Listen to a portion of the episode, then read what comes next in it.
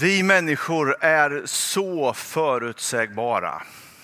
I januari varje år så går omsättningen hos alla hälsorelaterade företag upp i taket.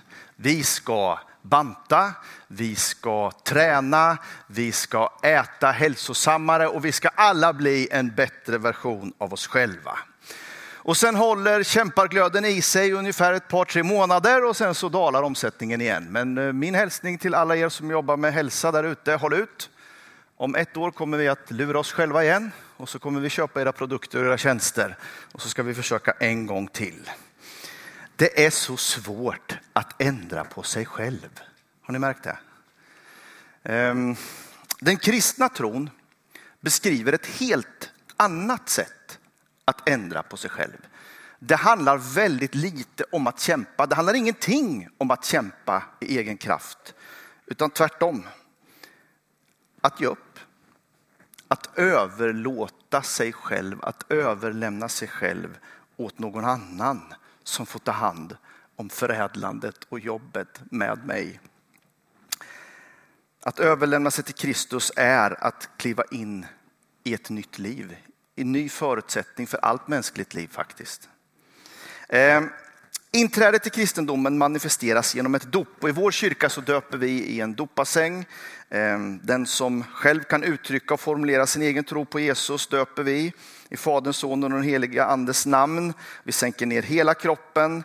Och så här beskriver Paulus dopet i Romarbrevet 6, versen 3-5. Vet ni då inte att alla vi som har döpts in i Kristus Jesus också har blivit döpta in i hans död. Genom dopet har vi alltså dött och blivit begravda med honom för att också vi ska leva i ett nytt liv. Så som Kristus uppväcktes från de döda genom Faderns härlighet, ty har vi blivit ett med honom genom att dö som han, så ska vi också bli förenade med honom genom att uppstå som han. Min son har ryckt in i det militära. Han gör lumpen. Eh, och det där har fått mig att tänka lite. När jag var ung så var det allmän värnplikt. Och jag tänker att vårt samhälle skulle behöva allmän värnplikt igen. Och nu menar jag inte att vi behöver det på grund av Rysslands vapenskrammel. Det är inte ett inlägg i försvarsdebatten. Men jag tänker att vi saknar den mötesplatsen där ingen värderas utifrån inkomst, utifrån social bakgrund, socioekonomiska förutsättningar, var man bor, var sin föräldrar är födda. Inga sådana hänsyn tas. Man mönstras förvisso, ens fysiska egenskaper prövas. Men sen klämmer man av sig alla kläder, alla attribut och så får man en gemensam uniform, ett gemensamt uppdrag och alla behandlas lika. Det är själva idén. Och vi behöver en sån mötesplats i än högre utsträckning. När vi har dopförrättning så brukar vi klä oss i vita kläder. Det är inget krav, men det är en fin symbolik. Vi identifierar oss med den renhet vi får av Jesus. Paulus säger att vi iklär oss Kristus. Och kanske skulle man kunna tala om någon sorts uniform. För i dopet är vi alla lika. Inför Gud räknas inget annat än ditt och mitt hjärta. Ingen hänsyn tas till din inkomst, till din utbildning eller din sociala status. Inför Gud är vi alla lika. Vi människor behöver regelbundet starta om. Ibland känns det som att vi behöver ett nytt liv och vi utnyttjar varje nyår till det. Och en del av oss utnyttjar varje måndag till det. Nu kör vi. Nu ska jag klara det. Det finns långt mycket allvarligare bottnar i längtan efter ett nytt liv. Människor flyr från krig, fattigdom och klimatförändringar. Man kommer till Sverige med en dröm om ett helt nytt liv.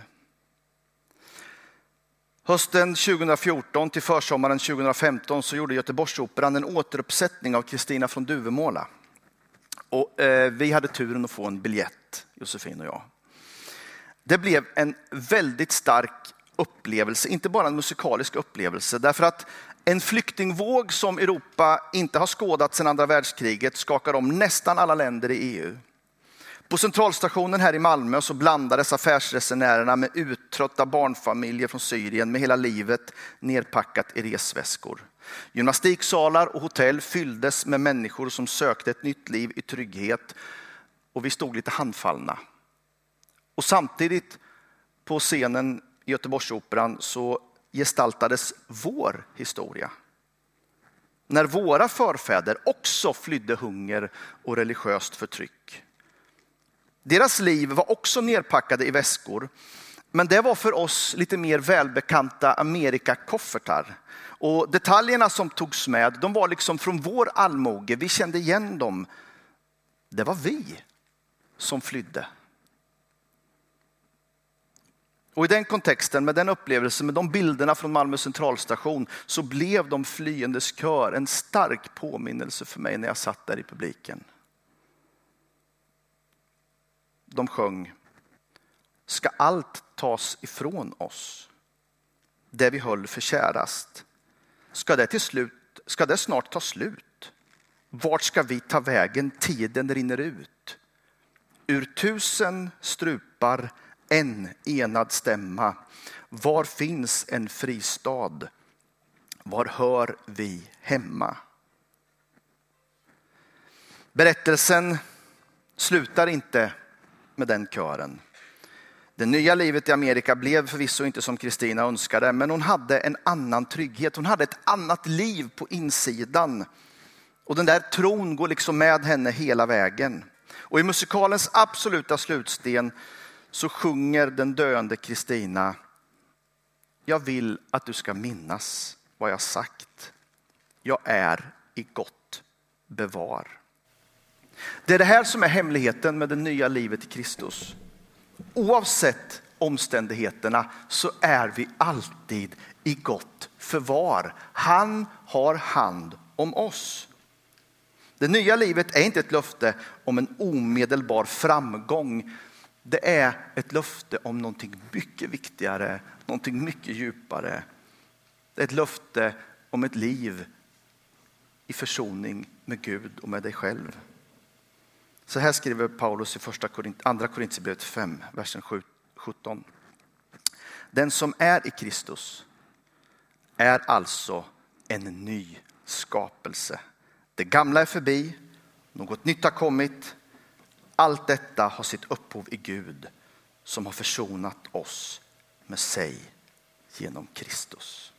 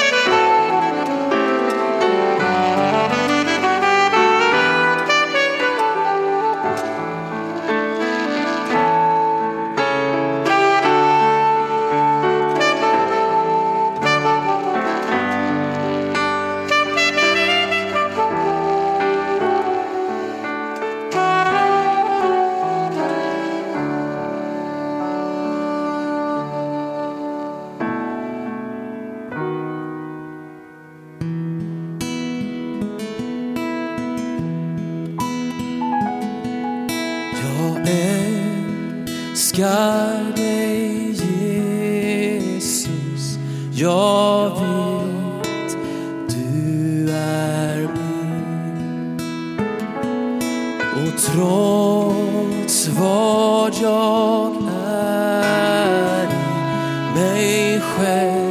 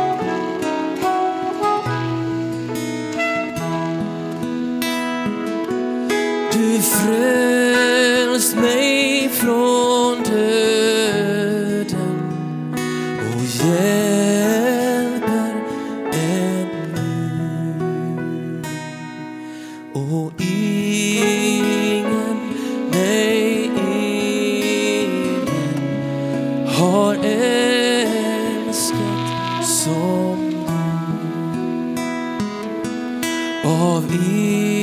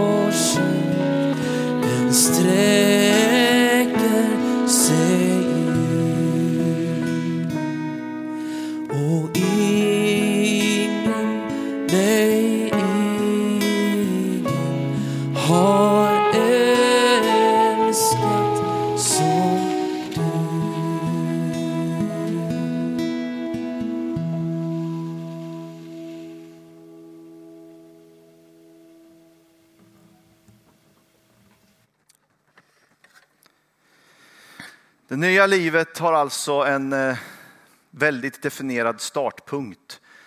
Den, det nya livet börjar när jag tar emot Jesus Kristus som min personliga frälsare. När jag kapitulerar inför tanken att det finns en Gud och han vill mitt bästa. Nu säger Bibeln att vi alla skapade av Gud och vi hör hemma hos Gud. Därför så är det faktiskt så att ganska många som kommer till tro i vuxen ålder använder samma uttryck, ett liknande uttryck. Jag hör det ganska ofta. Man säger att det var som att komma hem. Så uttrycker man det. Att bli en troende, att, att börja tro på Jesus Kristus, det var liksom som att hitta hem. Ett liv tillsammans med Jesus är därför inget liv som strider mot mina mest grundläggande behov som människa. Tvärtom. Livet med Jesus är ett liv där jag kan vara sant mänsklig. Det nya livet är på många sätt ett annorlunda liv, men det är inte obekant. Det bottnar i allt sant mänskligt. Jag skulle vilja beskriva det nya livet utifrån några rubriker för att få ett, liksom en, en, känsla för vad det handlar om. Vi skulle kunna prata länge om det här och mycket om det här. Men några tankar bara. Jag skulle säga att livet tillsammans med Jesus är gränsöverskridande. Det känns som om gränserna idag blir fler och murarna blir högre. Eh, både mentalt och fysiskt byggs det murar i världen. Men livet med Jesus hjälper oss att se på varandra med nya ögon. Paulus skriver i Galaterbrevet 3 och 27-28 några faktiskt revolutionerande versar.